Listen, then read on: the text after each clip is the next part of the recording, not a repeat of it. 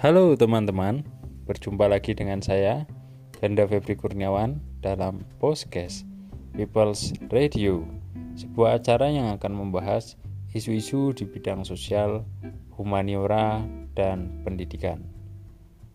Kali ini kita masih akan membicarakan tentang Pancasila dalam perspektif sejarah perjuangan bangsa. Dan lebih spesifik lagi kali ini kita akan membahas tentang agama dan corak toleransi di kerajaan Majapahit. Kita ketahui bahwa Majapahit adalah salah satu kerajaan yang merengkuh kejayaan dan mampu survive selama hampir tiga abad lamanya. Itu menjadi bukti bahwa kerajaan ini memang memiliki peranan di dalam kehidupan sosial budaya. Masyarakatnya sudah memiliki kebiasaan yang maju meskipun hidup di dalam lingkungan yang tradisional.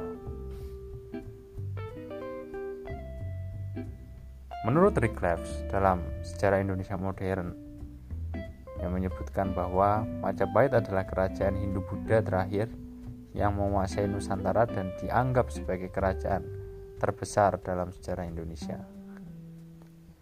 Mayoritas penduduk kerajaan Majapahit yang memiliki wilayah amat luas di Nusantara memeluk agama Hindu, Buddha, atau ajaran Siwa Buddha. Meskipun ada pula yang masih menganut kepercayaan leluhur yakni kejawen atau animisme. Ajaran Siwa Buddha merupakan sinkretisme atau percampuran dari agama Hindu dan Buddha di Nusantara. Di era Majapahit, ajaran yang sudah dikenal sejak zaman kerajaan Mataram kuno ini berpadu menjadi satu.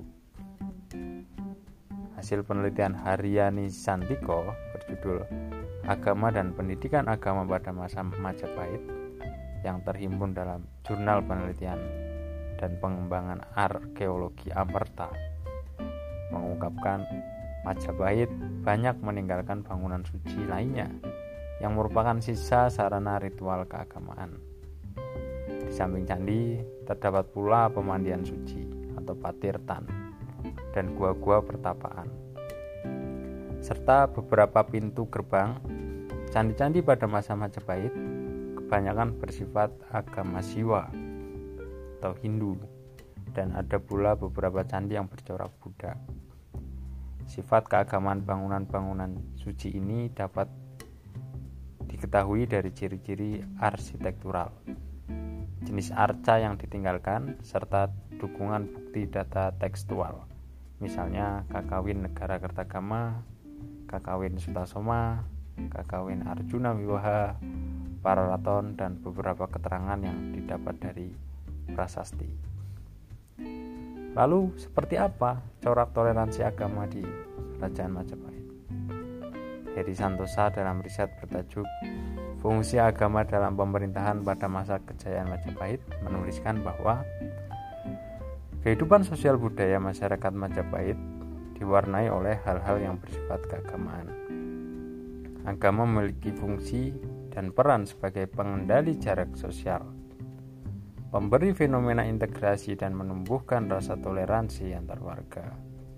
Kerajaan memberi pengakuan dan kesempatan yang sama terhadap tokoh-tokoh agama untuk duduk dalam pemerintahan. Adanya satu bangunan suci yang memiliki dua atau lebih sifat keagamaan merupakan bukti dari integrasi sosial dan toleransi dalam bidang agama bukan hanya bagi pemeluk Hindu atau Buddha, melainkan juga umat Muslim karena penganut agama Islam sudah ada di zaman Majapahit. Penduduk Majapahit sejak era Hayam Buruk diduga sudah ada yang memeluk Islam. Hal tersebut diperkuat dengan ditemukannya pemakaman Muslim di desa Troloyo, Trowulan yang pernah menjadi pusat pemerintahan kerajaan Majapahit. Nisan di pemakaman Islam tersebut ada yang menunjukkan angka tahun 1203 Saka atau 1281 Masehi. Selain itu, tulis Dukut Imam Widodo dalam Sidoarjo Tempo dulu terdapat nisan yang terkuat gurat angka 1533 Saka atau 1611 Masehi. Nantinya seiring semakin menguatnya pengaruh Islam dan kemunculan Kesultanan Demak, kejayaan Majapahit dan pamor Hindu-Buddha pun kian meluruh. Hingga akhirnya kemaharajaan Majapahit mengalami keruntuhan di abad ke-16 Masehi. Dari fakta sejarah tersebut kita tahu bahwa toleransi sudah hidup di masyarakat Majapahit. Bahkan dalam buku yang ditulis oleh Bapak Soekarwo tentang Islam di Majapahit, Raja Hayam Wuruk mengangkat beberapa penasehat yang beragama Islam untuk menjaga keseimbangan sosial di lingkungan kerajaan Majapahit. Ini menjadi satu gambaran bahwa Majapahit merupakan satu kerajaan yang sudah tidak lagi berpikiran tentang atau tidak hanya berpikiran tentang kekuasaan tetapi juga berpikir tentang keselarasan. Dan ini adalah nilai-nilai penting yang telah diadopsi ke dalam dasar negara kita Pancasila dan yang perlu terus direvitalisasikan. Terima kasih telah mendengarkan.